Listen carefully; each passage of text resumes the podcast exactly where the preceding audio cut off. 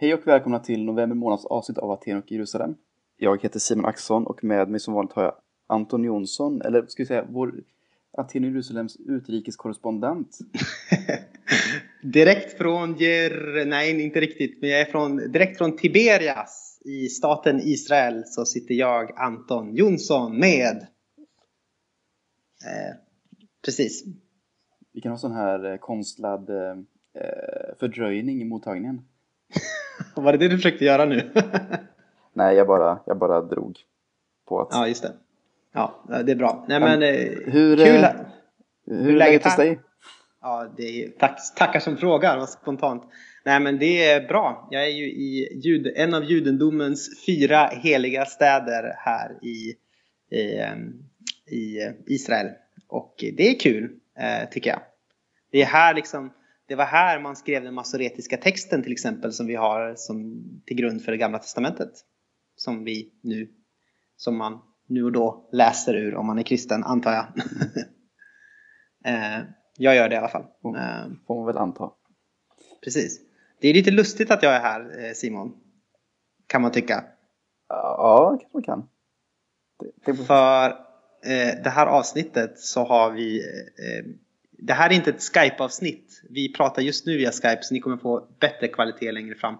Men eh, vi har träffat i kött och blod eh, Johanna Davén. Eh, vem är Johanna Davén? Kommer du ihåg det Simon? Ja, alltså, hon är ju, eller jag känner henne mest som en tidigare, tidigare student på Örebro Missionsskola. Mm. Nu ska hon ju börja jobba på EFK här. Hon hade ju en väldigt häftig titel vill jag minnas. Ja, vad var det? Typ, var det byråchef eller något sånt där? Assisterande Nej. stabschef? Ja, assisterande stabschef, så var det ja. Det var ju eh, häftigt. Ja. Hon har varit missionär i Sydafrika också. Exakt. Och det är utifrån det som vi kommer ha samtalet om Apartheid. Apartheid, precis. Eh, eh, och mer närmare bestämt liksom, eh, Helgelseförbundet som är en av grundar rörelserna för det som nu heter Evangeliska Frikyrkans, eh, eh, deras mission i eh, Sydafrika och hur man hanterade eller inte hanterade apartheid. Stämmer. Precis. Och där finns en lite rolig historia, eller en tragisk historia från mina eh, föräldrar, eller från min mamma. Ja, låt höra. Alltså när hon var liten, typ i åttaårsåldern och sånt där, så var hon på en, ett läger. Eh, och då brukar man ha tydligen då, hon är ju gammal HF-are. Yes. Eh, hon, hon var förresten med ett avsnitt, eh, Mikael Alenius, lite kort. Det kan vi klippa in. Just det. Eh, hennes bidrag kommer här. Säg hej mamma. Hej hej. Precis. Den här personen, hon eh, eh, var då på läger när hon var barn och då var det en missionär där Eh, en lärjungsmissionär som han hade som pratade om missionen där inom HF. Och då sa den här tydligen så att eh, ja, men, eh, svarta ska inte gifta sig med vita för då får de så här gråa fula små barn. Och så. Och ja, och då när jag säger det så kan ni ju förstå då har ni ett intressant ingångsvärde i den här diskussionen om helgelseförbundet och apartheid. Eller vad säger du? Verkligen. Och jag skrattar till, till när jag hör det här, men det är för att jag har hört den här berättelsen innan. Mm. Men visst så, hon hade ett väldigt patos, hon, hon sa väl ifrån det vill jag minnas, åtta år gammal. Ja, jag vet inte om hon sa ifrån, men hon tänkte, i, hon tänkte inombords i alla fall. Så där kan man ju inte säga. Det är helt vrickat, typ. Ja, eh, så. Men, uh, ja. Det är kul att jag sitter i Israel, för Israel brukar ju anklagas lite på eh, vänsterkanten för att bedriva en apartheidpolitik. uh, och ja, det är väl kanske inte helt rättvist med tanke på att det finns väldigt många arabiska medborgare i staten Israel och eh, det finns en hel del araber och druser som liksom tjänstgör i den eh, israeliska militären. Men som sagt, det är klart, det finns jättemånga, jättestora problem med den här konflikten. Och så. Jag tänkte att jag ändå måste kommentera det eftersom jag är i Israel och eh, problemet är väl att det är liksom båda sidorna har rätt i sak och båda använder fruktansvärda medel för att nå sitt mål och det är det som är det tragiska i situationen. Typ. Verkligen. ja. Så, in i ett konfliktfyllt Aten och Jerusalem. Fullt av det. Ja, verkligen. Hela vägen upp. Det är konflikt på konflikt på konflikt på konflikt. Yes, och med de orden inbjuder vi er till vårt samtal med Johanna Davén. Håll till godo!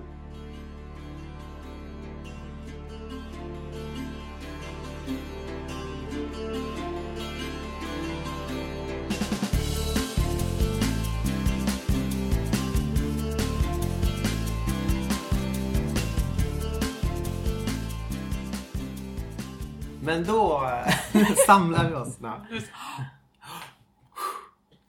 Hej och välkommen Johanna Davén. Tack så mycket. Eh, Vem är du? Det är så rakt på att ställa den frågan men ändå. Mm, bättre än att, än att ni frågar typ så här, vad gör du? Eller någonting Ja, det är precis. sånt många gör. Jag är ehm, från Laxå, men känner mig mer som örebroare, men bor i Stockholm. Eh, och jag är student där. Jag pluggar just nu företagsekonomi på vid Stockholms universitet. Och jag är eh, gift med Mattias eh, sedan nio månader tillbaka. Och jag, ja men tack! Det är fint ändå. Ehm, och jag är före detta missionär. Ehm, och kanske identifierar mig fortfarande som det. Eller och vill ju det, identifiera mig som det. Ehm, ja, det är väl jag. Jag älskar lysemjölk som choklad. Mesmör är väldigt fint och dricker väldigt mycket te. Känner du till Blana förresten apropå att gilla mer smör? Nej, vad är blana? Eh, det är alltså, man blandar grädde och mer smör Ja. och så sen så har man kanel på och så äter man det på julbordet tillsammans med vitost. Är det någon sån här Norrlands... Ja, eh, Ångermanland, Ångermanland till och med. Så det, är- Okej. men den, den borde du testa om du gillar Blir mer det smör. typ som en kräm? Alltså, Ja, man det blir som en god, god kräm av härlighet. Crème och ost. Ja, man äter... Man Lite äter som till- crème brûlée, Man, man, äter, man äter till, man den äter till, man äter till osten liksom. Så, en, en enkel ost, vitost. Det kanske jag ska testa. Ja, Det kan ju, eh, vissa i min familj gillar ju också med smör så jag tänker jag ska påverka dem. Satsa! Mm, Tänk att ni var så livsbejakande. ja, Det är precis.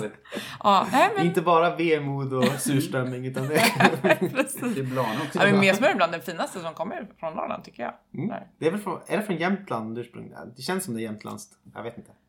nej, jag vet heller inte. Men det är nog- gott i alla fall. Myten är att det är från något fjäll i alla fall. Mm, Ja, det, det ser ut så på förpackningen i alla fall. Mm. Vi kan ta upp det i eh, medsmörsbilagan till det här avsnittet. Ja, precis. Ja. Eh, vi kommer ju prata en del om Sydafrika i det här avsnittet. Mm. Och eh, vad är din relation till Sydafrika? Min relation till Sydafrika är att jag flyttade dit 2012. Mm. Eh, och för att jag skulle jobba som missionär för Evangeliska Frikyrkan. Så jag flyttade till en stad, en provinshuvudstad som heter Nelspruit. Det ligger i en provins som heter Pumalanga. Och det, det är inte... Vissa känner till den. Om man är in, intresserad av typ djurliv och så, så känner man till den för att Krygerparken som är en av, en av eh, ja men det är väl Sydafrikas största nationalpark en av Afrikas största nationalparker ligger där. Så jag hade kanske 45 minuter hemifrån mig till grinden in till den här parken där de här The Big Five finns. Ja, just det. Ja, så det, då känner folk till det. Annars är Nälsberg inte så känt. Eh, men där bodde jag i tre och ett halvt år sedan. Så det är min relation att det är eh, det var hemma under tre och ett halvt år och jag vill fortfarande det på ett, på ett eller annat sätt. Vad, vad gjorde du där? Du var missionär? Ja, jag var missionär. Ja. EFK har sitt, eh, har sitt regionkontor, eller det, nu för tiden heter det Missionscenter, har- sitt regionkontor där. Så jag flyttade dit för att jobba där utifrån där, sitta på ett kontor, men jobba och resa ut till de här olika samarbetskyrkorna i Afrika. Så jag ansvarade för Centralafrikanska republiken. Så jag kanske åkte dit tre eller fyra gånger om året. Så här, var där kanske tre veckor i taget och då reser man runt och man pratar med kyrkoledarna eller med sjukhusledningen eller olika projektledare och följer upp saker. Och sen så åker man hem igen då till Sydafrika. Och sen i Nelsbury där vi bodde, där i den provinsen har också den sydafrikanska kyrkan som vi jobbar med, Holiness Union Church. De har också sitt, ett av sina starkaste fästen just i den provinsen. Så vi, jag var ju med i en HUC-kyrka Ehm, och ja, men runt omkring där eh, finns många församlingar. Och sen är det bara ja, men en timme in till Swaziland där vi också har en samarbetskyrka. Och sen är det bara tre timmar till Maputo där det fanns också en samarbetskyrka. Så vi befann oss verkligen i en sån center. Smeten. Ja, i smeten. Verkligen. Så det... mm, Ja, men så där bodde jag. En väldigt fin stad. Ehm, och väldigt fin natur framförallt. Just det. Mm. Ehm, det här, om vi ska vara ännu mer specifika, det kommer handla om Sydafrika och det kommer handla om apartheid.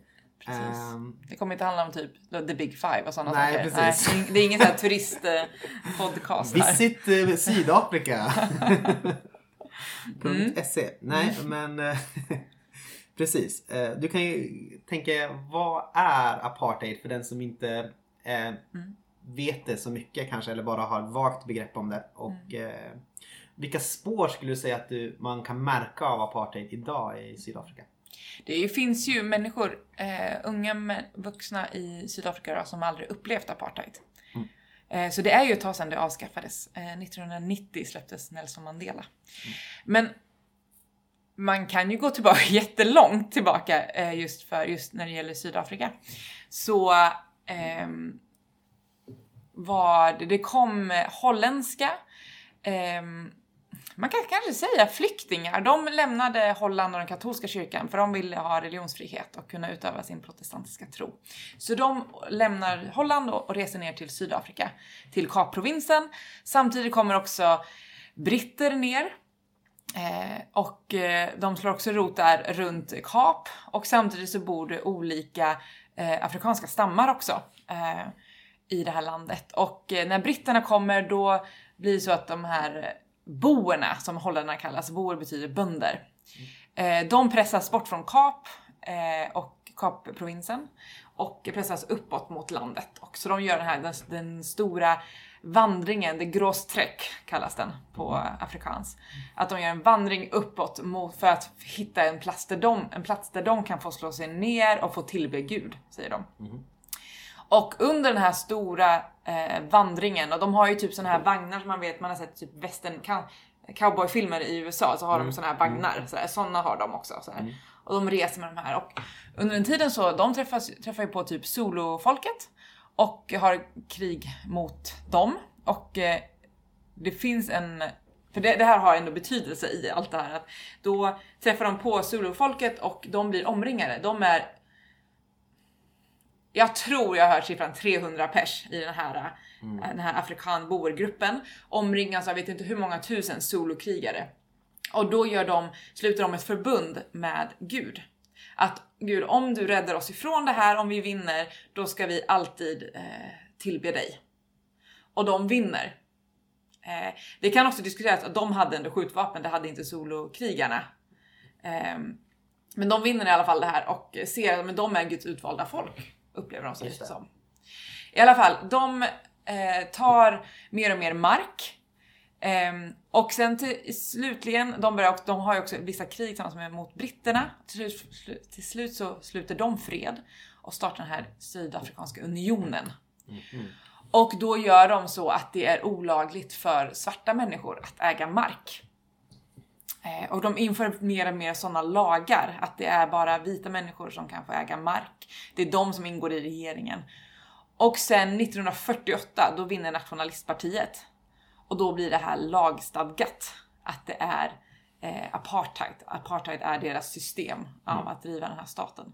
Och då, apartheid innebär egentligen att, ja, men, att man ska särskilja människor. Eh, svarta och vita.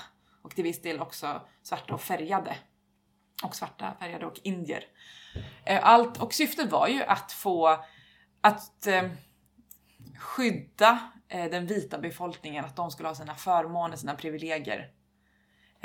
Så apartheid innebar att om man som svart person skulle ta sig in i vissa vita områden var man tvungen att ha ett pass med sig. Man var tvungen att få ett godkännande för att få röra sig där. Och om man inte bar det på sig kunde man bli fängslad.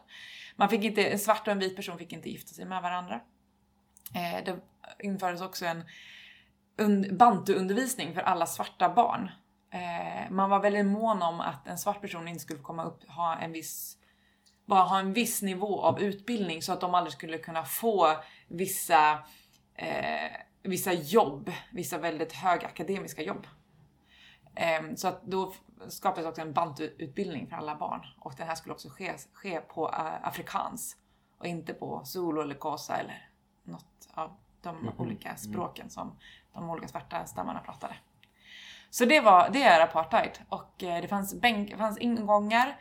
Om var, man var vit fick man igenom en ingång, om man var svart gick man igenom en annan ingång in till, kanske in till eh, dom, domstolen eller in i en affär och man handlar inte på samma områden, i samma sjuk, man var inte på samma sjukhus. Allting, man verkligen skildes åt totalt. Så här, bänkarna fick bara vita sitta och så vidare.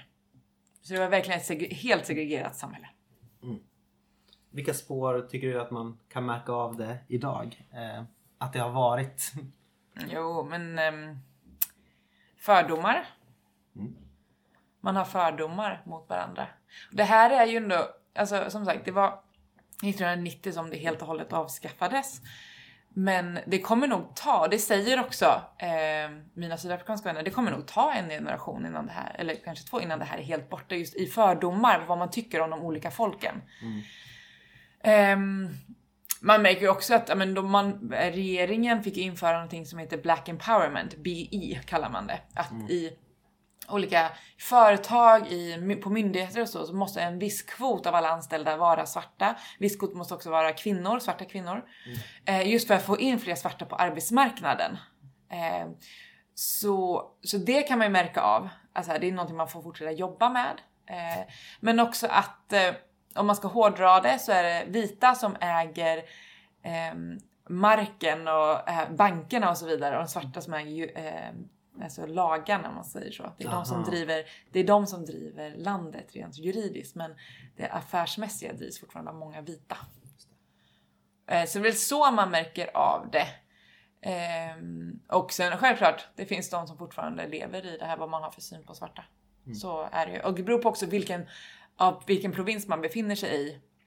Eh, jag bodde på ett sätt ut på landsbygden, även om det var en stor stad. Men jag bodde ändå, det var mer ett farmarsamhälle och där kan, märker man det än mycket mer att det är segregerat. Man ser inte så ofta kanske en svart och en vit person, ett par, alltså med en svart och en vit, en svart man och en vit kvinna. Medan nere i Durban, vid kuststäderna, vid Kapstaden, där såg man det mycket mer, att det var mycket mer integrerat. Ehm, så det beror på vart någonstans i landet man befinner sig. Just det. Ja, lite kortfattat. Så. Och din uppsats den handlar ju om Helgelseförbundets Sydafrikamission och relationer till apartheid. Och titeln på din uppsats är Jag är inte för apartheid. Mm. Varför det? Eller varför heter den så? Den måste ju heta någonting. Och en, min under, undertiteln är ju så här, en studie över Helgelseförbundets, alltså det är inte den roligaste kanske titeln. Ehm, ja, men jag funderade på olika. Och ja, men det är ju den klassiska, alla säger ju det, jag är inte för apartheid. Det sa ju folk då på den tiden. Samma sak som idag, jag är inte rasist. Säger ju folk idag. Men, vill man ju lägga till. Eh, jag la inte till något men. Sådär, utan bara för man var på den tiden för, eh, inom Helgelseförbundet så sa man jag är inte för apartheid. Det var man tydlig med. Eh, men man, jag funderar på att ja, men ibland så kanske man la till ett men. Så därför heter den. Alltså du måste ha lagt ner väldigt mycket tid på det här, eh, den här uppsatsen tänker jag. Det är ju extremt mycket opublicerade källor och, och sånt där Ja, som du har gått Jag tror det är sex sidor jag har. Ja. Ja. Ja. Bra jobbat! Tack! Var har du hittat allting? Är det så här arkiv eller? Ja, jo men det är arkiv. Alltså HF Helgelseförbundet då, de har ju ett arkiv på länsarkivet här i Örebro. Så där har jag suttit mycket och eh, gått igenom brev, jättemycket brev från eh, den här perioden. Jag valde ju mellan 77 och 90 för man är ju tvungen att begränsa sig. Man kunde ta det från 48 till kunde jag inte. Ehm, så jag har gått igenom jättemycket brev. Alltså, så jag har suttit och lyssnat på någon podd i öronen och sen bara gått igenom brev och sen kopierat och gått, fortsatt gå igenom brev. Och sen har jag gått igenom om det ja men, ja men nästan alla år som det här också diskuterades, den här frågan diskuterades i Helgelseförbundets medlemstidning Tron segrar. De numren har jag också bläddrat förbi, bläddrat igenom. Men man blir ganska snabb för man blir ju typ att man i sitt inre bara tänker med vilka ord är det jag behöver leta reda på? Typ Sydafrika om det står någonting om det eller apartheid eller och så vidare. Man lär sig till slut på hur man ska scanna så man kan bläddra ganska snabbt. kan man. Mm. Men ja, det var ganska, det var ganska mycket jobb blev det. Men ja, man vill ju ändå göra det rättvisa, försöka. Mm. Eftersom det är en så komplicerad fråga blev det. absolut. Mm. Men jag fick också väldigt god hjälp. Eh, en av mina före detta kollegor var med också under den här tiden och kunde ge tips. Eh, och eh, ja, men folk har ändå engagerat sig och hjälpt. Ja, men läs det här eller kolla upp det här. Jag hade en bra handledare också som hjälpte mig. Vad skulle du säga att den främsta attityden till just apartheidregimen var hos missionärerna? Liksom, var... I missionärskåren nere i Sydafrika? Ja. Alltså den är svår att säga, och den främsta så här, förhållningen, attityden, för att de, de, de var väldigt bland, delade i sina uppfattningar. Um, det fanns de som tyckte, men vi ska inte, vi har ingenting med staten att göra, vi är här för att förkunna evangeliet. Och det var ganska typiskt för HF, också här i Sverige var det. Ehm, så det var de som tyckte, men vi har ingenting, alltså vi får bara för, eh, förhålla oss till hur det ser ut. Vi ska inte kritisera staten, vi bara jobbar och vi ska evangelisera så mycket som möjligt på så kort tid som möjligt. Man vet aldrig när Jesus kommer tillbaka eller när vi slängs ut härifrån. Så man, man förhöll sig inte till det. Medan andra kämpade ju, eh, inte genom att officiellt säga någonting, men genom sina handlingar eh, på olika sätt. Men alla var nog att man inte ville bli utslängd från, ut, ur landet. Det blev ju andra missionärer från andra samfund blev utslängda. Och Sverige var ju inte jättepopulärt hos den sydafrikanska apartheidregimen på den här tiden. Kan man säga. Med, med tanke på hur den svenska staten var väldigt eh, hjälpte ANC på mycket, på många sätt. Och det svenska samhället. Så man nog, jag kan tänka mig många svenska HF-missionärer var ganska på det sättet försiktiga men försökte på andra sätt att visa eh, visa att man kanske eh, man ändå identifierade sig med de svarta. Alternativt att man säger men politik har vi ingenting med att göra. Mm. Det tror jag många, så tror jag att många tänkte att politik har inte vi någonting med att göra. För det var det de hade fått reda på sen de åkte från Sverige. Just det. Mm. Du refererade till att man hade ett avtal ja. när man blir missionär. Att man inte får lägga sig i mm. landets politik. Precis, de får ju eh, framförallt de, eh, de, när när de ska skriva under, de uppmanas alltså på 80-talet att de skriver under det här uttalandet som vi från Sverige ger, alltså från HF i Sverige. Att vi är emot apartheid. De, då vill de att missionärskåren ska skriva under det här avtalet. Och då tar de, de det, här skickas, det här avtalet skickas ut, eller uttalandet. Eh, och då tar de upp det här på de här missionskonferens, missionärskonferens en gång om året. Så tar de upp och diskuterar det här. Och det blir en jättestor diskussion för att vissa upplever så här, men jag kan skriva under det här. För att när jag skickades ut på 60-talet, då fick jag skriva under ett avtal och lova inför Gud och inför missionsledningen i Sverige att jag ska inte beblanda mig i landets eh, amen, landets affärer, landets politik, oavsett vilket land det var. För att man var där för att enbart förkunna evangeliet. Och då menar de, men ska jag då nu helt plötsligt gå emot det här löftet jag gav till Gud och missionsledningen? Att helt plötsligt uttala mig eh, mm. negativt om ett land. Eh, så det, men det var ganska, så det blev ganska mycket diskussion och de kunde inte komma till ett beslut så de skrev aldrig under. Men jag tror vissa ville skriva under, vissa kände att de jag kan inte och vissa kanske inte ville heller. Nej. Det var en väldigt blandad missionärskår. ganska många, ni kan tänka hur många så här, ja men bland missionärer är man oftast ledare och mm. jag brukar ofta säga att man måste vara nog lite galen för att åka ut som missionär överhuvudtaget. Men tänk bara, sätt alla de här tillsammans i en grupp och bara nu ska ni bestämma er för en grej. Ja men det... Ja. ja. Det är högkoncentrerat. Ja, det kan man säga. Mm. Jag tänker att det verkar ändå, om man läser sitt material, finnas en liten spänning mellan en mer konstantinsk eh, kristendomsuppfattning och den här som du beskriver då, alltså en mer eh, ja men evangeliet och politik har ingenting med varandra att göra. Jag skulle säga att det finns en sån spänning i, i kåren och ja. Jo, bland de yngre ja. tror jag.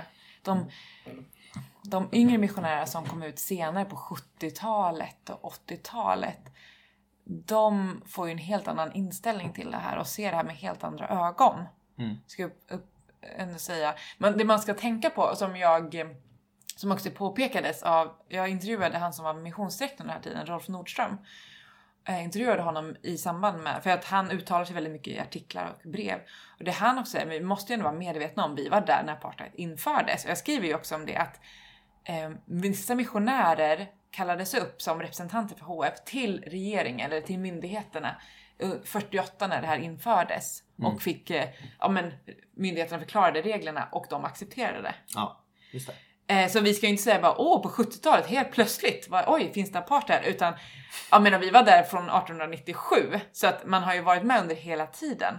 Ehm, och, men det är där jag tror att vissa äldre missionärer de har ju levt där så länge när vi kommer in på 70-talet sådär. Så de har ett förhållningssätt och så kommer det nya ung, yngre missionärer ut som har också influenser från Sverige och nya tankar och ser det här helt plötsligt, men vad är det här? Var, varför behandlar vi svarta och vita olika i våra kyrkor? Eh, och nu fanns ju ens inte vita i kyrkorna, det fanns ju bara svarta och sen missionärerna. Men, ehm, ja, men absolut, det, fann, det fanns en spänning. Eh, och det fanns också en spänning här i Sverige mellan församlingsmedlemmar, hur man såg på Sydafrika och apartheid. Eh, Jag har fått höra mycket som jag inte kunde ta med i min uppsats sådär. Som folk har sagt efter när de har läst den. Bara, ja, och det här och det här kom ju också upp. Och det här och det här utsattes jag för för att jag protesterade mot ja, apartheid. Ja. Ja, ja spännande. ja, jo, det här Komplex historia som man En väldigt komplex och nog en av de större, svåraste frågorna tror jag för Helgelseförbundet på den här tiden. Det, jag har fått höra um, berättat för mig att det höll på att bli upplopp vid torpladan under torrkonferensen när folk protesterade och andra var för att vara... Vissa protesterade för att ta ut missionärerna ur Sydafrika och andra tyckte inte om det. Och Mm. det höll på att bli slagsmål, typ sådär. På, På, vid torpladan. Denna fridens ja, plats. denna fridens plats höll på att eh, bli, gå hett till. Så att, ehm, ja, det var en, väl, en fråga som engagerade väldigt mycket.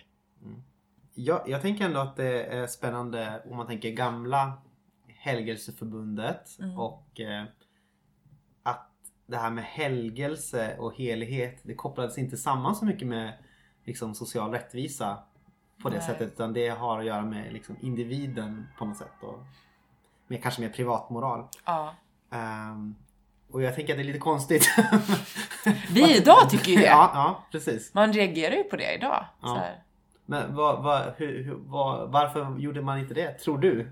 Ja, precis. Det var Svårt att tror. säga liksom. Alltså, det, det man ändå får nog börja med är ju att när HF bildades, då är en av ledarna, är ju så här, grundarna är ju Hedin. Det är han som äger, eh, för mig att det är han som äger torpområdet. Så här. Men han är en, en ganska välbärgad man och sen som upplåtit sina lokaler för att man ska kunna träffas och ha de här mötena. Men han är ju riksdagsledamot. Eh, sitter om det är två eller tre mandatperioder i riksdagen. Han är ju också ordförande i, jag vet inte hur många styrelser samtidigt, typ 20-30 styrelser. Men han är riksdagsledamot. Eh, jag kommer inte riktigt ihåg nu vilket parti han sitter för. Eh, men han gör inte kopplingen där att man eh, hans engagemang som riks- riksdagsledamot och hur man ska hjälpa de fattiga i samhället det, och utifrån och med sin tro. Med, det, de kopplingarna sätter inte han samman. Utan han sitter i riksdagen som typ godsherre. Eh, och för att han äger den här marken och där och för fram partiets talan i det.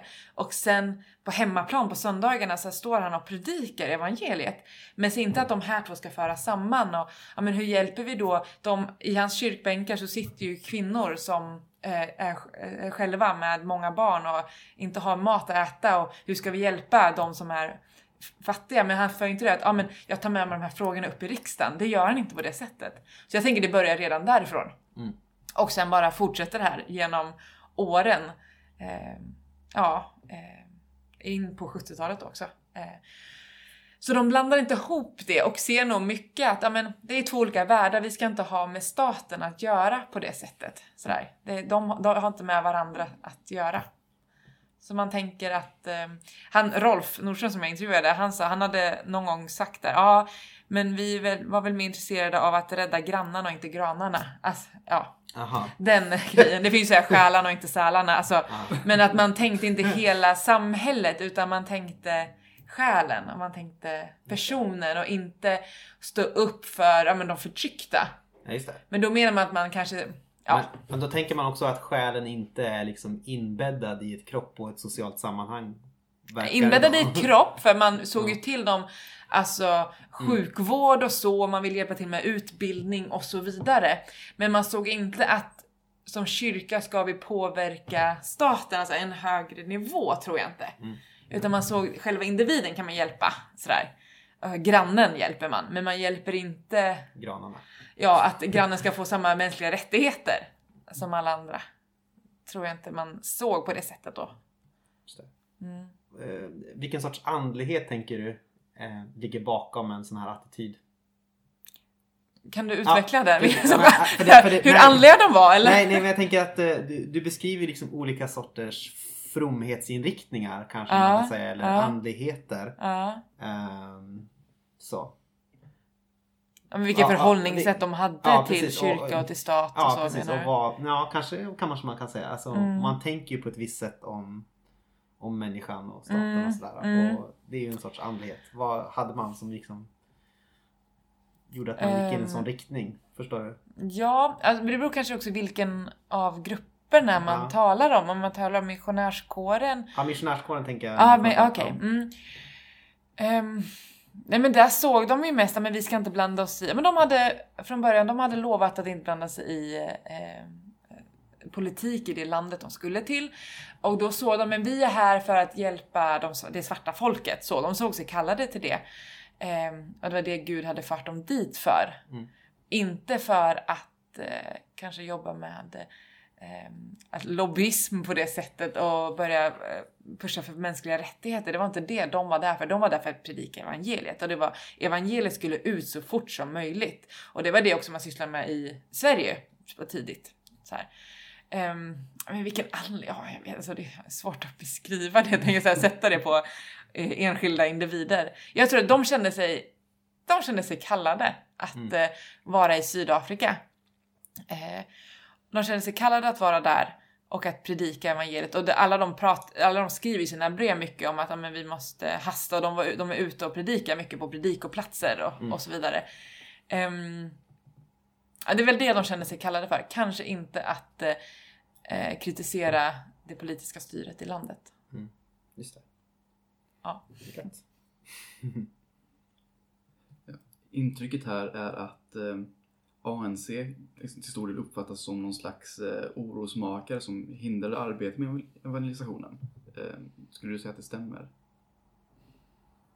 Om man läser de här breven och de intervjuerna, alltså de artiklarna med intervjuer med både missionärer men även med vissa eh, sydafrikanska HUC-pastorer, alltså svarta HUC-pastorer, eh, så får man ju den uppfattningen.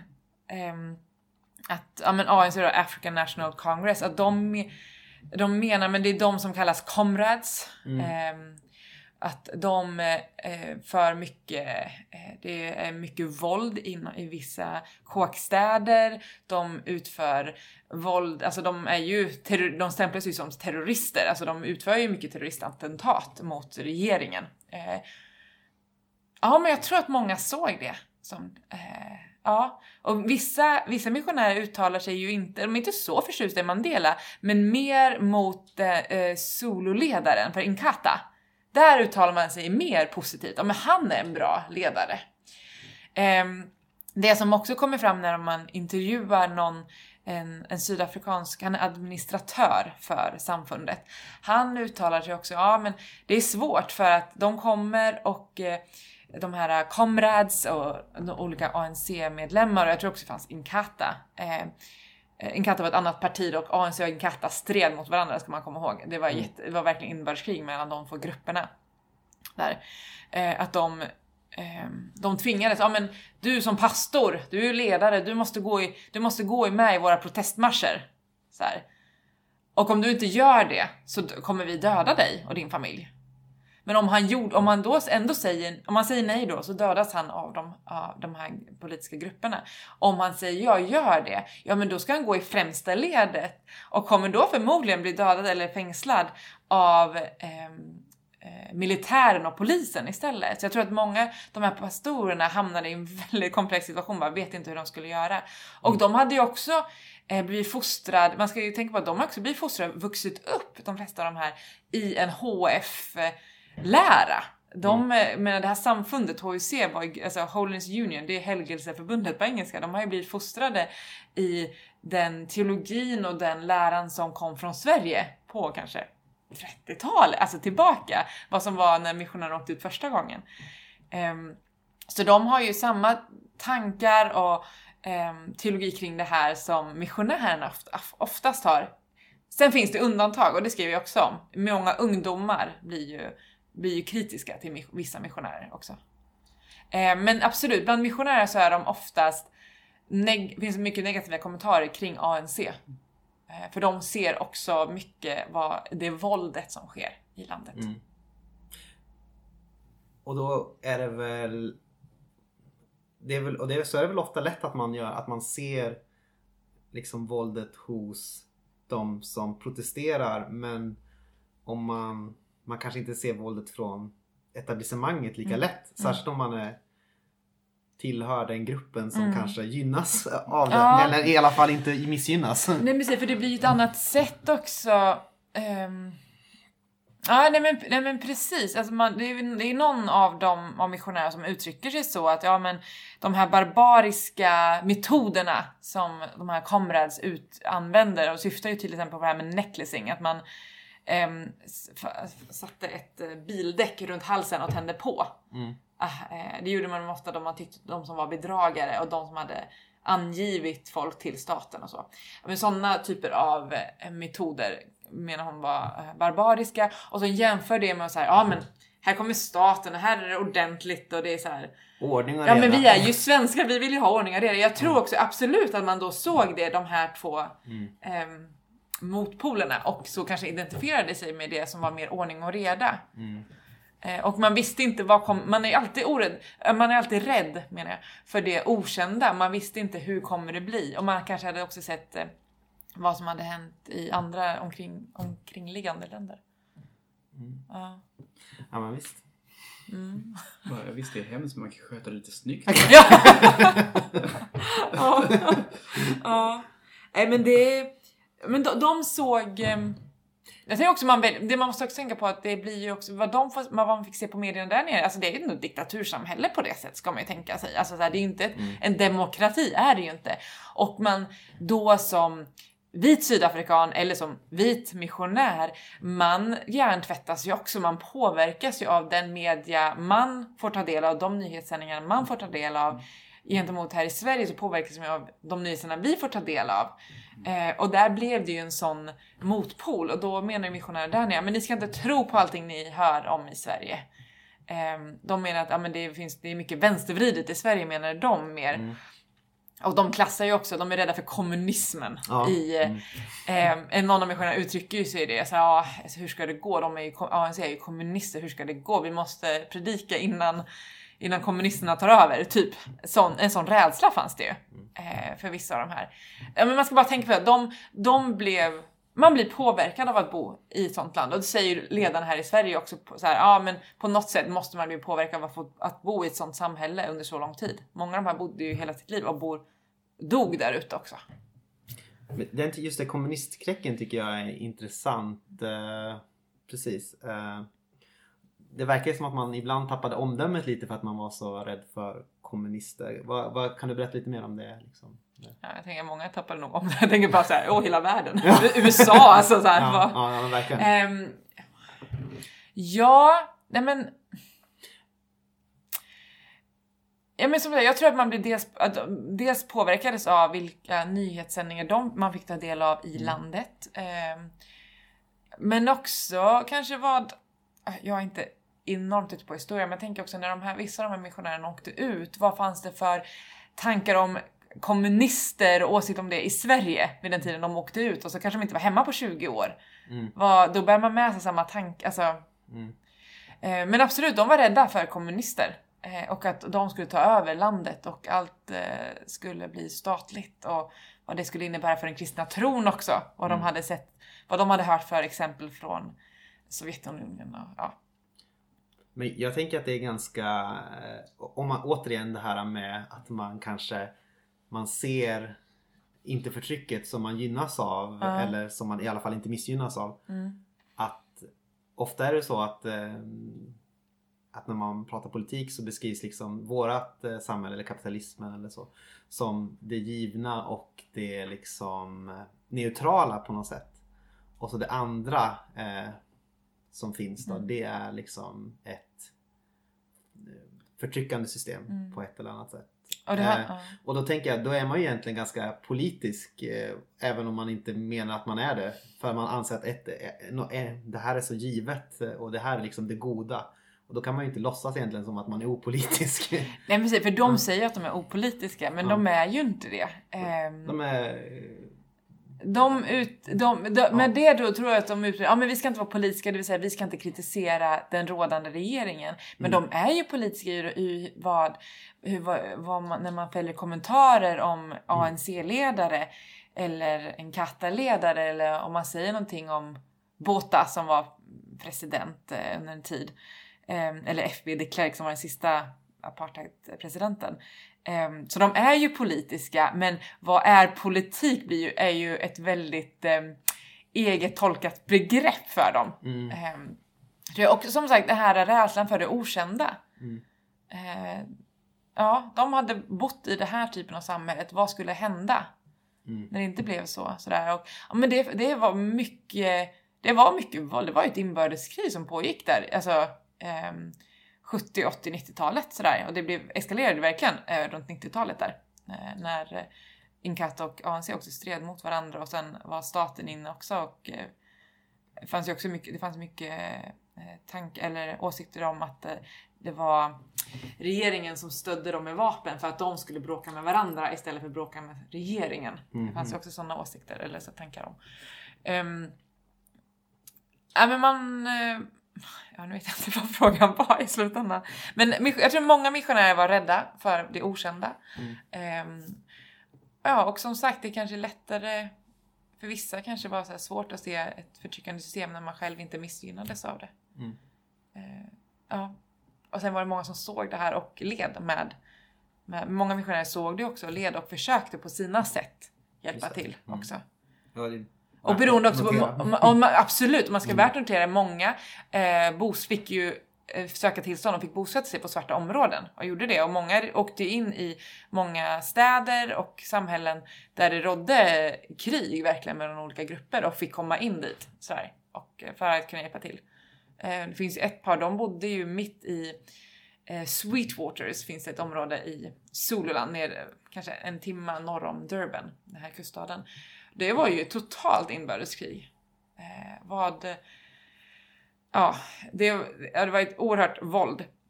Och eh, grym, grymma, grymma grejer som pågick. Men de bodde ju mitt inne i det här och undervisade på en bibelskola. Mitt, alltså, det är bara fem, fem meter bort. Så pågick allt det här. Men de bara... De bodde mitt på den här staden, eh, mitt på den här marken, missionsstationen. Eh, med sina sex barn. Så man ska komma ihåg, det är många som valde att bo mitt i det här också, inte bara skyddade sig. Mm.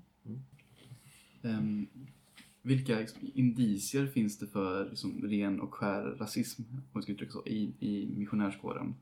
Kan du förklara indicier? Alltså, Det är ordet. olika som... Spår Ja. av... Ah, okej. Ja, inte- inte- Det var så inte- fint ja, ord där. Inte, inte liksom enbart Inte bevis, på, utan men eh, man lägger, tecken på. Ja, kanske. okej. när man staplar flera sådana på varandra så verkar det okej. På rasism Ja. i missionärskåren. Ja. Eh, och det, det, det är ju tråkigt men det finns ju. Ehm, jag har ju skrivit, allt har jag inte skrivit i uppsatsen. För vissa saker där, så här, det har inte jag ett, så här, det har inte jag skriftligt på. Men jag, man har fått höra om saker. Men något som jag har skriftligt på det är när Jag kan någon... berätta en också sen. Ja, absolut. Men det, det jag har det är ju ett brev där en missionär skriver till eh, en tjänsteman, en missionär i Sverige också, också som är tjänsteman då på HF och frågar och berättar, ja men de pratar på radion om terroristerna, om vi, man, vi, vi ska vara försiktiga och, och se om det är en, eh, och vi ska anmäla om vi ser någonting. Men, och då uttrycker sig den här missionären då, eller skriver att ja men det är svårt att veta om det är en, vanlig svart krulltott, liten svart krulltott eller om det är en terrorist. Ja men ja, man sväljer ju bara vet så här, men oj, Mm. hjälp. Så här. Att ha den, ja. Ja, det är ju ett tecken sådär. Och eh, det finns ju också andra tecken när man firar det finns det finns också en annan incident då, sådär, när man firar nattvard och man ber och tackar Gud att ja, men nåden räcker även för de svarta och tack att han ändå också har förlåtit dem. Som att det skulle skiljas åt vilken hudfärg man hade och man, om att Gud är så pass nådig så det också gäller de svarta. Faktiskt falla på mållinjen när man uttrycker sig. Ja men Bara, Åh, Ja. åh, vad generöst. Ja, åh vad generöst. Ja, men, så sådana spår fanns ju och ja, men man, alltså, sen har man ju hört eh, eh, det kan ju handla om vilket eh, porslin man använde när man och själv åt mat och sen kom det svarta pastorer och hälsade på. Då tog man fram andra typer av koppar. För man ska inte dricka ur samma till exempel. Det fanns också, ja man har hört om att man tyckte men de, att att eh, ja, men, men de, de svarta nej, men de kan inte lika mycket som oss. De har inte fått lika mycket mat. Så de, de är undernärda och då kan de inte, de är inte lika smarta som vi vita och så.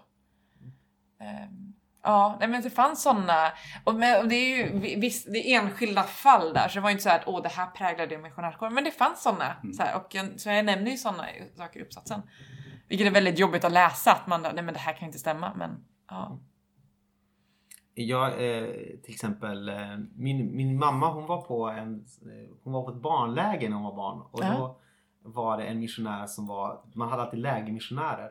Så då var det en som kom från Sydafrika. Vad gjorde de lägermissionärerna? Alltså de var där för att berätta om missionsarbetet. Okej. ja. De, var inte, de missionerade inte bland barnen utan de berättade om missionen. Så. Och då hade han tydligen sagt enligt henne att eh, Nej men eh, vita och svarta ska inte gifta sig med varandra för då får de så här gråa fula barn. Och, sådär. och då hade hon reagerat redan då när hon var typ åtta eller något sådär. Bara, Kan han säga sådär? Ja, så, Ja. ja. Ja. Ja, nej men... ehm, ja, nej, det, det finns ju...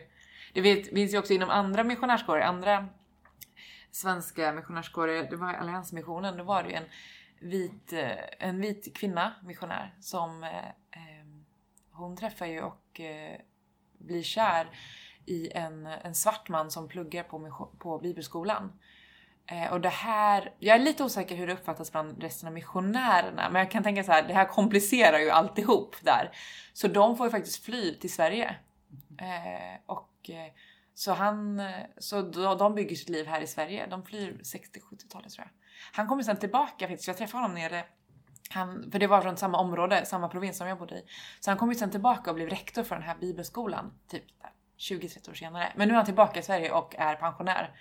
Eh, han och hans fru bor uppe i Norrland någonstans. Eh, så det är ju också komplicerat. ja. eh, men så, ja, det fanns sådana spår. Absolut. Eh, där man uttryckte sig. Eh, ja, och det kom ju sådana rapporter kommer ju fram så här. Ja, men när olika vanliga församlingsmedlemmar åker ner och hälsar på. När det blir mer vanligt att man kan resa ner till Sydafrika. Tidigare var det väldigt svårt med båt och så, men när man kan börja flyga och så vidare. Och kommer ner då och ser och upp, så här uppfattar och, och de skriver sina rap rapporter till styrelsen väljer ju vissa att göra faktiskt bara, men jag kan, måste agera när jag har sett det här bland vissa missionärer. Och eh, ja, men ager, agerar då och skriver till styrelsen om saker, hur de uppfattar att folk eh, beter sig mot svarta. Mm. Mm. Mm.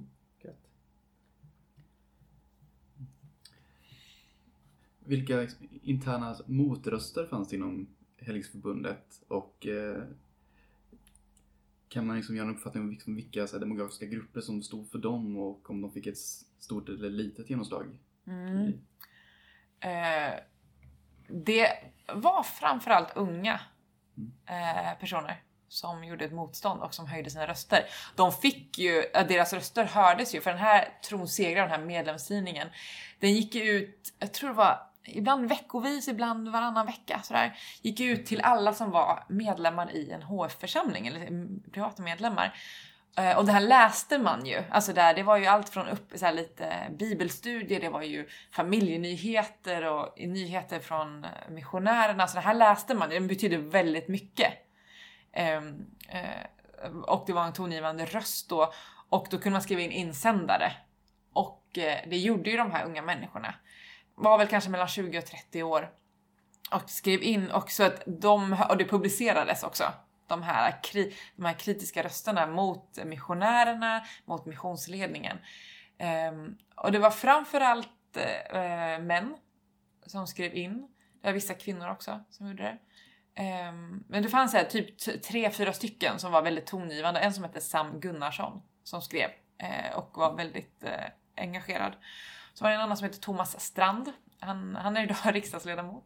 För ehm, och eh, skrev också mycket, men så här, det här, vi måste agera och det var ju, de hade bibelskolor på Götabro, sommarbibelskolor och då var ju alla ungdomar, tonåringar där skrev under namnlistor, protestlistor mot missionärernas förhållningssätt och så vidare. Så det var framförallt unga människor som protesterade, tror jag. Eh, kanske de också som fick också in mycket andra impulser och tog in mycket andra intryck från, ja, men, från andra nyhetssändningar och så vidare. Mm. Men man ska också komma ihåg att det fanns de som eh, försvarade eh, missionärerna också. Så det var blandat, men framförallt var det mycket unga människor som protesterade. Och tydligen, som jag fick reda på i efterhand, efter jag hade skrivit klart min uppsats, många av de här hade varit anställda på HFU på den tiden också.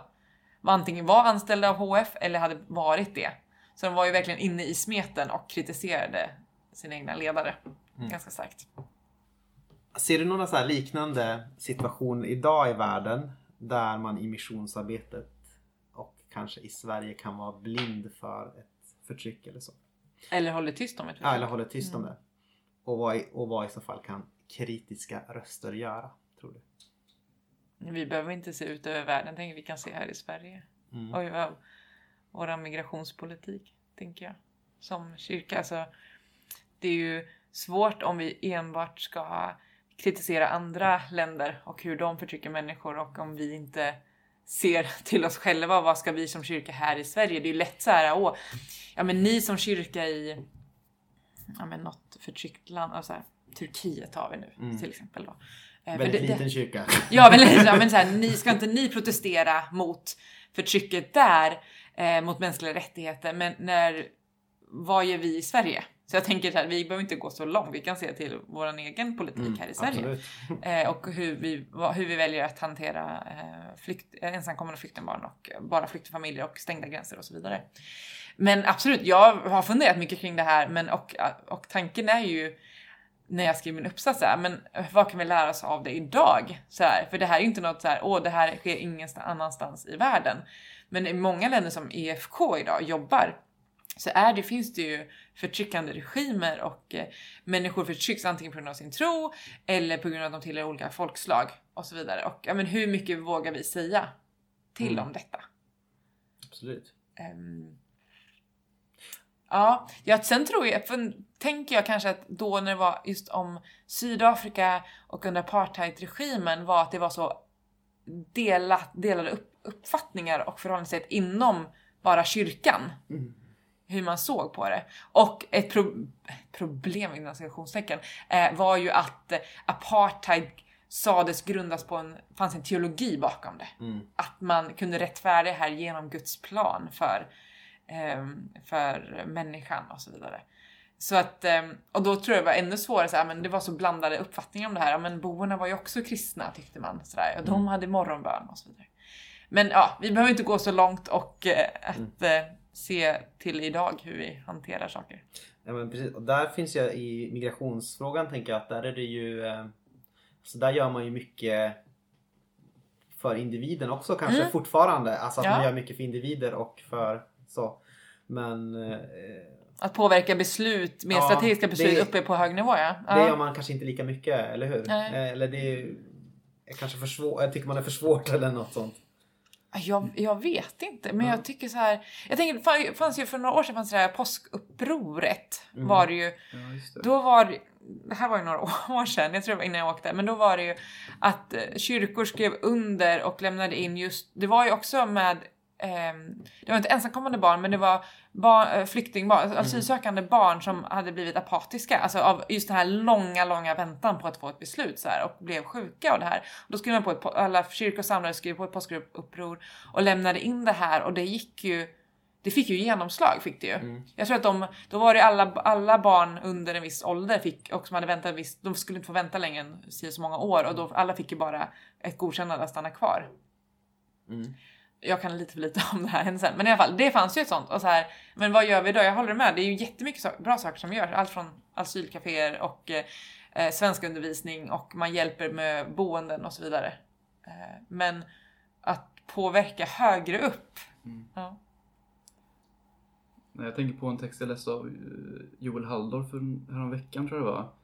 Om hur eh, eh jag vet inte, han satte lite så här teologiskt raster på hur eh, svensk politik har gått det senaste året. Och med de här gränskontrollerna så har vi lyckats effektivt så här stänga ut problemet och inte, och inte se det. Men han menar liksom att, vi, att vi måste liksom, att det, var, att det var ett stort misstag för att när vi inte, för att då så gör vi det lätt för oss. Vi ser inte problemet och då, och då tappar, liksom, tappar vi liksom all så här drivkraft att vilja förändra. För vi ser inte, någon för, för vi ser inte att det Vi har ingen det- utmaning att möta. Nej, Nej. vi har lyckats effektivt liksom stänga ute den liksom och bara låtsas som att det inte Mm. finns. Eh, och att, eh, ja, men, ja.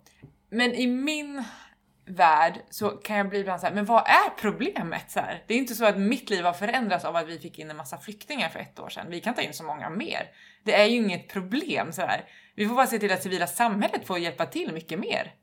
Jag tänker att vi kan öppna upp mer så här. Oh, ja. Ehm, allt, ja, men det, jag var väldigt frustrerad över det, för det, var, det här hände ju typ två månader efter jag kom tillbaka till, flyttade tillbaka till Sverige.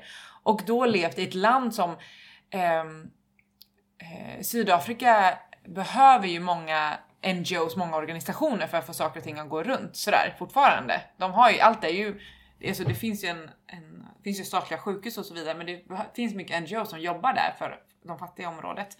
Men också i alla andra afrikanska länder jag besökte, att där tar ju civila samhället, där tar kyrkorna en jättestort ansvar när, på områden där regeringen och eh, myndigheterna brister. Och då, jag tyckte det var så konstigt att se så här, men vadå, det här är väl inget problem? Det är väl bara, vi, vi, kan, vi får väl jobba ännu hårdare då, i det civila samhället, kyrkorna, alla organisationer. Ja, men, ja, de, det var då en diskussion om att eh, att det fanns inte tillräckligt Eh, plats i skolorna för alla barn som behöver skolundervisning. Ja men kan man inte jobba, ja men då får man försöka sätta till jag vet inte vad jag tänkte då, om det var typ så här, men kan inte Rädda Barnen gå in och köra lite skolundervisning på de här, eh, för det var ju akutboenden över, överallt, men då sätter man väl, får man sätta in sådana insatser just nu sådär. Det är, ju ing, det är ju inget problem egentligen tänker jag. Det handlar ju bara om hur mycket man är villig att förändra sin... Men civilsamhället är lite för, förlamat i Sverige för att vi har haft en så stark stat också kanske. Ja men staten löser allt i Ja. Sverige. Jag tänkte säga, men du tyckte det bättre. Jag tänkte att vi så, här, fortfarande för sossiga. ja, men man tänker, man, Jag tror Anton uttryckte det bättre. Ja. ja. Nej, men för det blir så, man, eh, ja. Ja, men det är Jag något vet, som inte, jag man, har... man, man pekar på tiggare och tänker liksom, men vad är, okej, vad är myndigheten någonstans som ska ta hand om det här åt mig? Ja, och det är nog något som en... man pratar ju ofta så här, när man åker ut som missionär, man lär sig ju också väldigt mycket. Det är inte så att man åker ut och ger ut, man tar emot mycket mer. Och det är något som jag nog tagit med mig mest från mina år i Afrika. Just så här, ja, men, vad vi kan göra som kyrka istället. Vi ska inte förlita oss på att en stat kan göra allting, utan så här, vad kan vi som kyrka göra och ta ansvar för? Jag menar i, i Centralafrikanska republiken, där driver ju den här, våran EFK samarbetskyrkan, de driver ju sjukhus, de driver till exempel 11 vårdkliniker, de skriver massvis med utbildningar och grundskolor och massa projekt för att hjälpa by, alltså byutveckling. Eh, Men vi kan göra samma sak. Så här. Det är bara att vi förlitar oss så mycket på att eh, det är en stat som ska ta hand om det. Absolut. Ja. Tänk att vi tar Nu blev det lite anna, annat ämne helt plötsligt. Nej men det var bra, det var bra. Mm. Nej men jag, jag tänker en sak på det här med, med, med kyrka och politik också som är intressant är i, i Västernorrland, eh, där jag kommer ifrån, Mm. så hade man ett lite, så skulle man lägga ner ett sjukhus. Så inte ovanligt att man lägger ner saker i Västernorrland, i Sollefteå. Eh, och då var det några eh, kyrkliga företrädare, eh, kyrkoherdar tror jag, i Svenska kyrkan då, som hade skrivit ett, eh, ett brev där man protesterade till, till eh, landstingspolitikerna. Och sagt så här, bara, det här, men eh, alltså, gör, gör inte det här, det är inte bra för lokalbefolkningen och eh, gör eh, gyllene, gyllene budet, ni vet. Eh, Allt som mot du ska som- göra. ja, Mm. ska ni också göra mot dem. Och, och då blev de så här jätteförnärmade de här landstingspolitikerna. Dels för att eh, nummer ett, de citerade bibeln och reli- religion har ingenting med politik att göra. Och nummer två, eh, för att det var liksom kyrkliga företrädare som hade skrivit och kyrkan ska hålla sig utanför politiken. Så där kan man säga att i Sverige i stort så finns det ju en sån mission, eller eh, en gammal HF-spiritualitet. Ibland. Hela Sverige är präglat av ja, HF. precis. precis, eller vad man ska säga. Ja. Ja, men det är ju jätteintressant. Mm. Här, Ja, men ni får inte citera Bibeln när ni Skriv, när, när, ni argumenterar och då ska vi ha religionsfrihet i vårt land. Mm. Eh, men också att man inte ska... Men jag tycker det är jättebra att, eh, om, att kyrkan gjorde det. Ja, jag tycker också men det, det, det, bra jobbat. Det är väl bara bra, det visar väl bara om politikerna sa så här, protesterar mot det, då visar vi bara, men då får man ju bara fortsätta. Då ja. behövs det ju verkligen någon som säger ifrån. Ja, verkligen. Och de, de gick, jag tror att de till och med skickade ett protestbrev till biskopen. Så här bara, Kyrkan ska inte blanda sig i våra angelägenheter.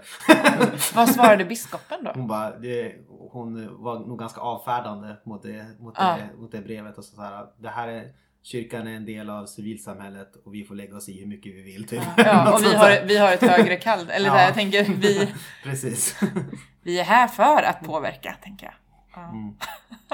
Åh, vad, men vad bra av dem att de gjorde det. Ja, verkligen. Mm. Mm.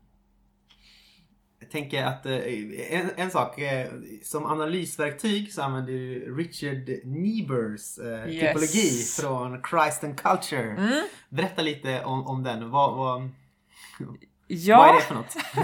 och jag har ju fått, jag vet att du är lite kritisk till den. Jag hör ju det på dig. Eh, det är inte den första jag har mött och jag är inte själv helt, jag sväljer inte den med hull och hår. Eh, Richard Niebuhr, den är ju, den har ju några år på nacken. Kan man ju säga. 50-talet eller något? Ja, det är någonstans där. Jag har inte exakt om det är 51, jag vet inte. Mm. Men den har några år på nacken. Eh, men han, han talar just om det här med hur man förhåller sig mellan eh, Kristus, där tar han Kristus och staten mm. och har fem olika typologier man kan använda sig så här. Om man är Kristus över staten eller Kristus i i paradoxal förhållande till staten, men hur man förhåller sig till staten som mm. kristen mm. och Kristus då. Eh, och jag använder det här genom att ändra om till kyrka och eh, staten. Mm. Gjorde jag. Eh, den är ju lite för snäv ibland. Mm. Mycket svart och vitt mm. i den här. Och då utifrån så här, ja men så här eller så här. Mm. Att man kan inte vara flera olika och den, det blir väldigt, du måste in i ett av de här facken, du kan inte blanda typ sådär. Eh, men jag valde ju den här typologin just, eh, dels blev jag eh, re re rekommenderad, för föreslagen den av min eh, handledare. Eh, den, och den har använts ganska mycket i just missionsforskning och så vidare. Det kanske också därför jag tänkte att det kan vara intressant att använda då och se hur man sätter den här klassiken mm. i det här lite mer modern, moderna historiens eh, missionsproblem. Eh, typ. För det här, var, det här är ju verkligen det här är modern historia eh, för HF och ett, eh, ett av deras senaste största problem som de hade. Um, men jag är fullt medveten om att det är inte det är inte den eh, kanske den bästa och frågan är vilken är den bästa att använda som Det finns ju alltid en, en, en, en, begränsning i typologi, eller ja, i typer såklart. Ja, och jag tänkte också det här är ganska lätt att förklara. Ja. Um, för uh, syftet med ändå uppsatsen var ju mer så att men, se vilket förhåll, hur förhöll man sig till uh, apartheid i i, i, i Sydafrika just bland missionärskåren och missionsledningen och enskilda församlingsmedlemmar. Och, eh, så, och då blev det ändå, ändå så att man är ju tvungen att använda någon typ av analysverktyg och mm. man kan inte bara hitta på lite hur som. Så här, och då blev det här då använde jag den här Nibur, men det var inte så att det var inte det främsta just att hur kan Nibur appliceras på det här, utan Nej, mer att jag var ju tvungen att ha någonting att använda, äh, tolka med och då blev det den här. Men det främsta var ju HF och att dokumentera och se vilka mm händelser och vilka åsikter fanns det? Så det var jag mer tvungen, jag var tvungen att ta in någon typ av analysverktyg och då tog jag Nibur. Ja. Men det var inte han som var hu mitt huvudsyfte nej, nej, i den här uppsatsen. det som är risk, det, det som är största risken tänker jag med honom det är ju att han um, Alltså där finns ju då det så här lutherska eh, som är på ett sätt ganska träffsäkert. Alltså att Kristus är i något sorts eh, paradoxalt förhållande till kulturen. Att det finns eh, det andliga svärdet och det och det världsliga svärdet mm. och sådär. Och så finns mm. ju det här Kristus mot kulturen då. Att, eh, Kristus, att kyrkan är i sorts motsats kontrastförhållande till kyrkan. Och, så och det finns mycket som är rimliga i de typologierna. Det som är problemet tänker jag är ju i, i den typen, alltså för det, han utger ju för att det här ska vara liksom ändå något sorts, det här är bara beskrivande. Mm. Och så har han den här Kristus som den som transformerar kulturen, eller som förändrar kulturen. Och den står för reformärt. Eh, tradition som bara råkar vara den traditionen som han själv tillhör. Och den, och den, och den som, liksom, som faktiskt gör någonting positivt i samhället. Och alla vill ju vara såklart vara, eller vill ju vara, den tillhör den Den som gör något positivt Ja, vill alla vara. Ja. Ja. Och så var ju... Fast alla vill ju inte, i alla fall inte i, i min uppsats, alla vill ju inte vara den som gjorde det här äh, påverkade samhället. Nej, det är sant. Det, Det är- många missionärer var ju såhär, men det där ska inte vi, vi ska inte påverka samhället, vi ska påverka människan, individen och dens frälsning, vi ska inte frälsa samhället. Var det Kristus över kultur... Eller? Ja men precis, det var väl, ja jag tror det, precis. Att, ja, men, det, vi har inte, samhället har inte med Krist, alltså Kristus har inte, Kristus ska syssla med individen. Så, här, så de vill ju inte påverka samhället. Nej. Medan de här i Sverige som var kritiska, de vill ju påverka samhället. Mm. De var ju, ja men vi måste påverka, vi kan inte bara be utan vi måste protestera. Ja. Eh, och menade, ja men så jag tänker att de många missionärer som var att de var med Kristus över eh, kulturen var, trodde, tänkte att det var det mest positiva att göra. Mm. Ja, det är sant. Ja, det är Ja. sant. Men ja, det. Nu kanske de flesta skulle... Om man skulle läsa den rakt av nu så tror jag att alla skulle kryssa i typ Kristus eh, förändraren av kulturen eller vad heter den? Ja, jo, ehm, ja precis. Jag, kan, kommer inte ihåg exakt hans titel för Ja. just den. Ja, men jo, men Och jag tänker ju och eh, det är också- väl lite politiskt korrekt. Och Kristus mot kulturen kan ju också vara att man transformerar kulturen tänker jag på ett sätt. Mm. Ja. Mm. Ja, men jag tror att vi är nog mer medvetna idag Ja. om ehm, kanske förtryck och mänskliga rätt. Alltså vi är mycket mer medvetna och ser det som en del av våran, våran tro. Mm. Att vi ska eh, påverka samhället. Eh, om vi gör det då som kristna eller om vi gör det som individer är olika. Men jag tror ändå att eh, flesta och framförallt yngre generationer som har vuxit upp har, har mer det tänket med sig. Vi skakar av oss Hedins eh, Ja. bok, i alla fall i det här frågan. Ja, just, i alla fall det, i den formen precis. Så eh, får, har man nog lärt sig lite och gått vidare tror jag. Just det. Mm. Ja. Nu rundar vi av eller? Ja, det tänker jag att vi kan göra. Ja.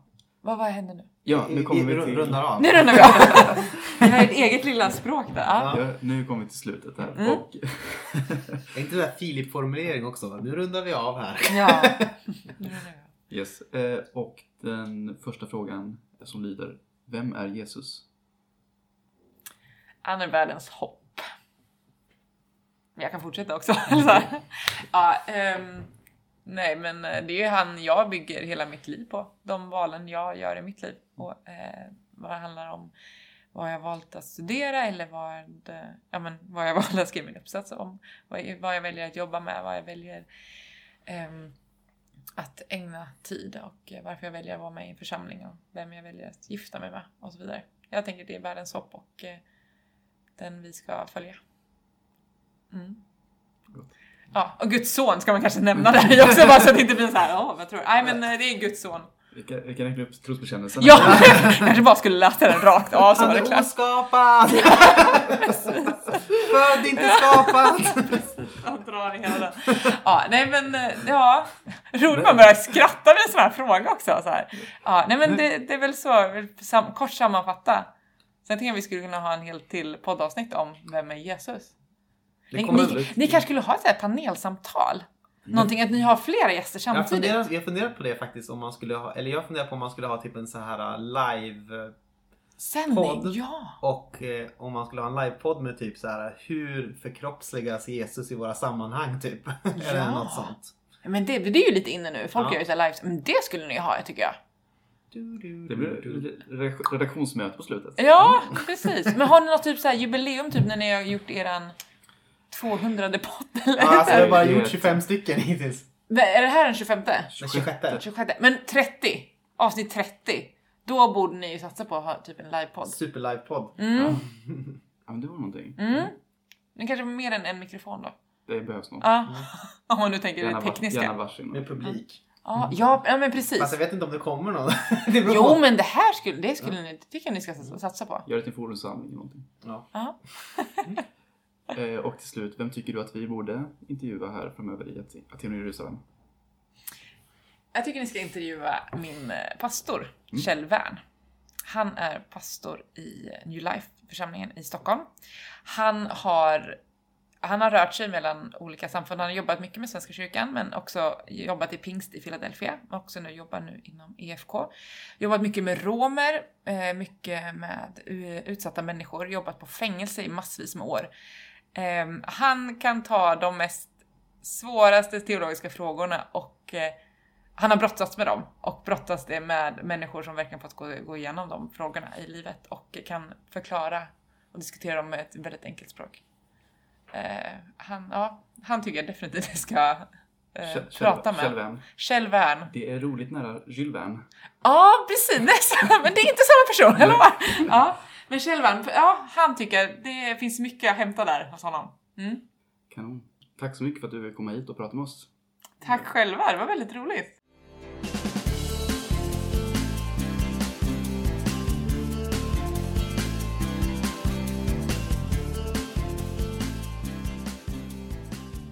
Så där ja, välkomna tillbaka till vårt eftersnack. Från Tiberias och Örebro. Amen. Amen. Vi knyter, ja, samman hela, knyter samman hela världen här. Absolut, så är det.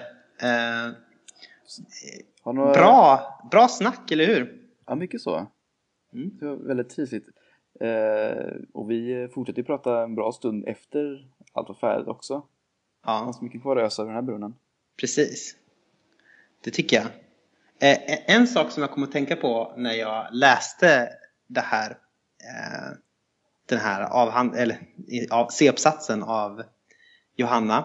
Eh, det var ett citat från en bok av Jack Elyll eh, som jag just har hjälpt till att översätta till svenska. Den är fortfarande bara, det är inget förlag som har hört talas om den än och eh, det är ingen, men vi kan lägga ut en blänkare för alla förlag där ute. Eh, men eh, det här är liksom en grov eh, provöversättning som jag tänkte läsa utifrån.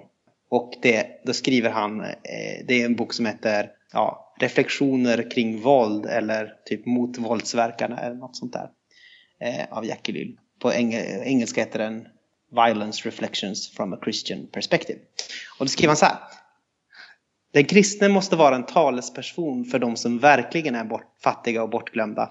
Jag måste säga, och jag vill att läsaren ska vara full på fullkomligt klara med detta, att de politiska och sociala rörelsen i vilken mina kristna bekanta har blivit en del med målet att hjälpa de fattiga. Dessa rörelser har sällan visat verklig vilja att söka upp och finna de verkligt fattiga. Många kristna tar del av dessa rörelser efter att de blivit uppmärksammade på den här eller den där hemska situationen. Eller efter att kampen är vunnen till tre fjärdedelar. Kristna specialiserar sig i att gå med i kampen som i praktiken redan är över och att stå upp för de fattiga som redan har miljoner som står upp för dem. Viktigt är att säga att kristna är väldigt mottagliga för propaganda i den stora majoriteten av fall, verkligen i alla fall jag känner till, Martin Luther King är det enda undantaget, så har kristna gått med efter, ett väldigt propaganda, efter väldiga propagandakampanjer som lanseras av andra för den här eller den där fattiga gruppen.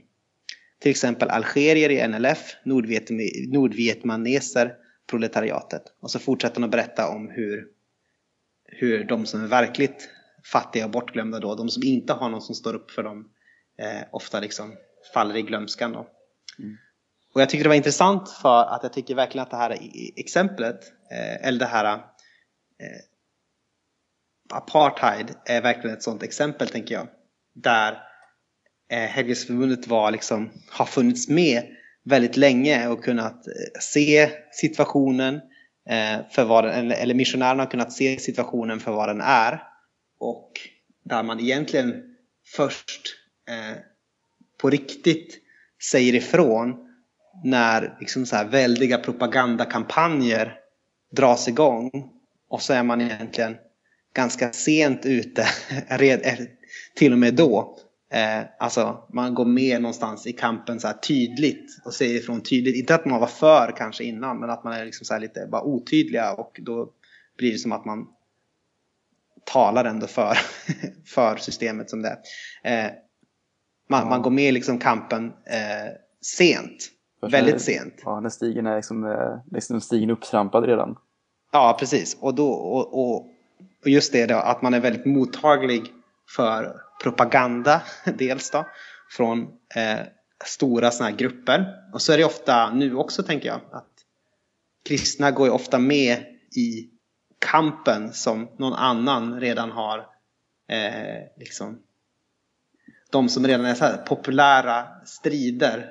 Ja, då liksom, lång, långt efter att hashtaggen etablerats.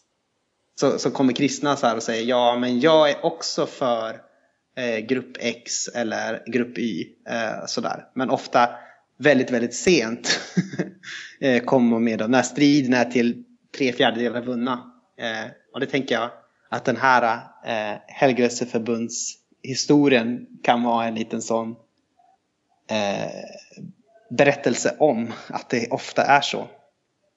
Mm. Eh, ja, det är kul. Det är, ja, det är väldigt vast, vast uttryckt hela grejen. Mm.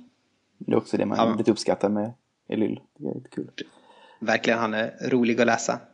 Och, eh, nej, och, och, det jag tänkte på då spontant det är ju att till exempel Johanna hon har ju varit landsansvarig som hon sa för Centralafrikanska republiken.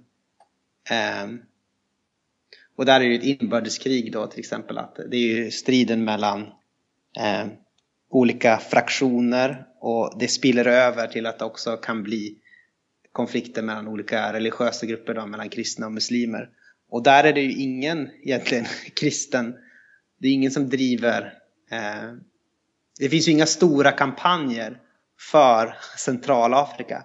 Det finns ju ingen som säger så här bara, men stå upp för Centralafrika, stå upp för eh, de, eh, de muslimer då som i den sista vändan har fått lämna sina hem och lämna liksom sina, eh, sina ägodelar. Eller så. Utan det är ju ingen som, som gör det. Utan då, är man, då håller man på att fokusera sin kamp på de fattiga och förtryckta som redan har miljontals anhängare redan. Som mm. redan har liksom miljontals som talar för dem. Och det kan jag tycka är, det kan jag tycka är lite sorgligt ibland.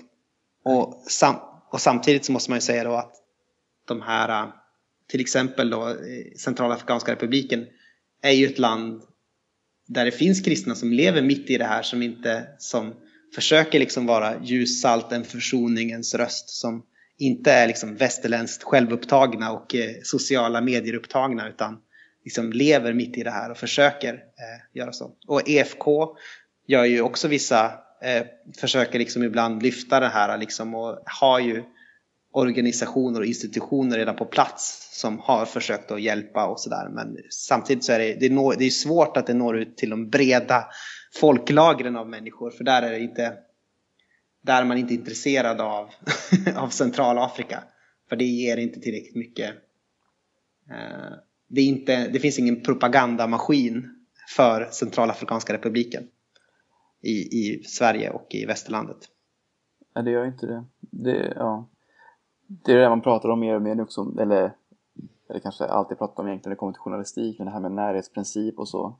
Mm. Att, eh, att det är också, inte bara svårt kanske att engagera de breda folklagren, men det kanske finns kanske som inte heller så intresse. Mm. Då blir det ett, ja, det alltså, blir bortglömt. Man är fullt upp med att, eh, att, eh, att, att kämpa emot den här, att dela Trump, Trump-kritiska artiklar istället. Mm. Som om det skulle, som är liksom en av de här stora kampfrågorna eh, som man skulle kunna säga är en sån, här, en sån kamp då, där man engagerar sig som ger väldigt mycket sociala medier cred att dela så här, man får mycket likes och sådär. Som man kanske egentligen eh, som kristen eh, vore mer intressant att lyfta frågor som Centralafrikanska republiken eller Sydsudan eller sådär. Kan jag tänka. Absolut. Men är det inte bäst att man kan göra båda också? Ja, det kan man väl göra. det var, ah, eh. du, du, försöker rädda, du försöker rädda våra, våra Trump-kritiska lyssnare. som, Nej, men som... jag, jag, jag, kan ju verkligen förstå liksom, reflex, mm. liksom, den reflexen som uppstår då efter ett sånt här val. Att då blir det så här, oj, det där hände. Då kan då tror att folk blir, måste liksom eh, försöker liksom reda ut, okej okay, vad betyder det här? För, det, för nu börjar det verkligen kännas att, kännas att oj, det här kan nog hända här också nu. Mm. För liksom det är åt väst vi, vi sneglar åt.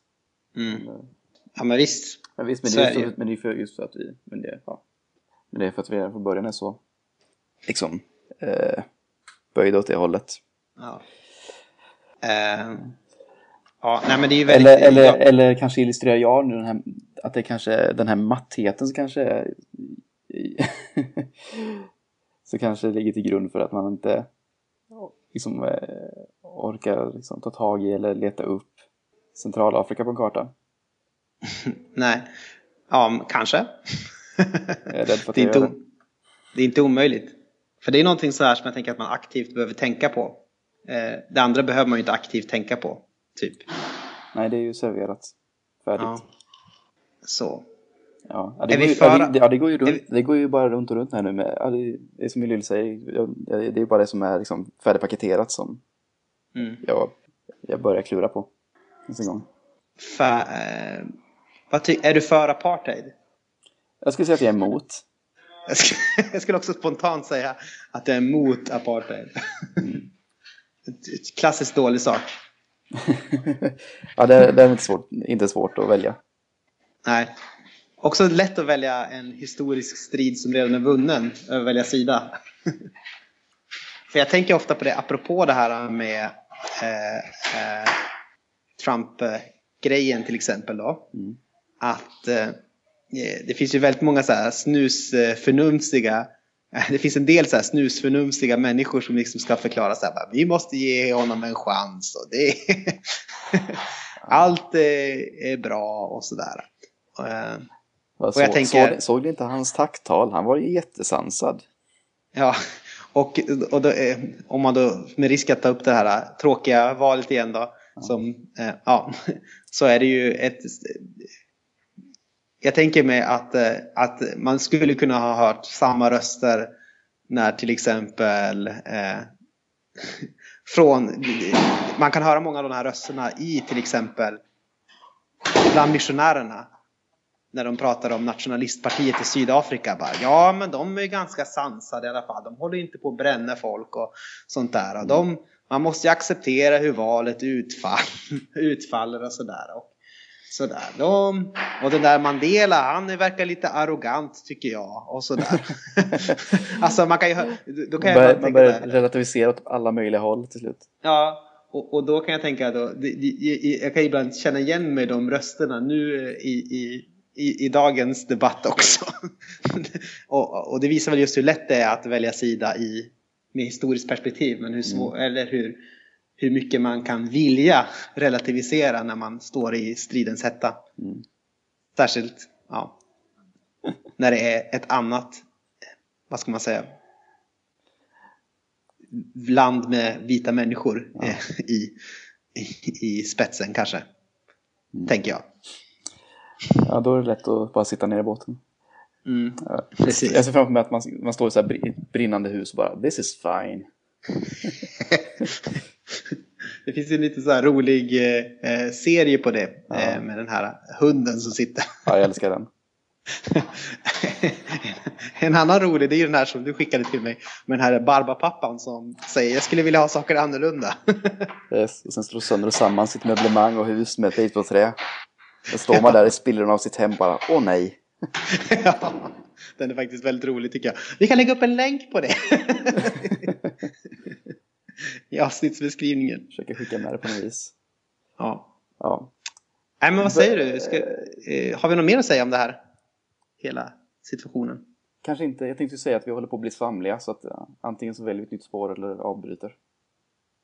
Vi kan lika gärna avbryta. Då gör vi så. Eh, Då får vi tacka så mycket för att ni var med oss eh, den här månaden. Och Mm. glöm inte bort att följa oss och gilla oss på alla de här ställena på nätet. Facebook, Twitter och allt det där. The big grand web of the internets. Mm. Eh, ja, om ni tänker på något särskilt, hör gärna av er. Annars så hörs vi om en månad igen. Till exempel, tycker du att apartheidsidan inte får komma tillräckligt mycket till svars i, i svensk PK-analys? Yes. Nej, okej. Det där var, det var ett skämt eh, om ni undrar. Ja. Ja, det, ja, det var nog bra med en disclaimer där kan jag tänka sig. Ja. Man måste alltid disclaima allting man säger. Och även det behöver en disclaimer. Disclaimers all the way down. Mm. Precis. There's nothing but disclaimers. Okej, ehm, tack och hej! Hej!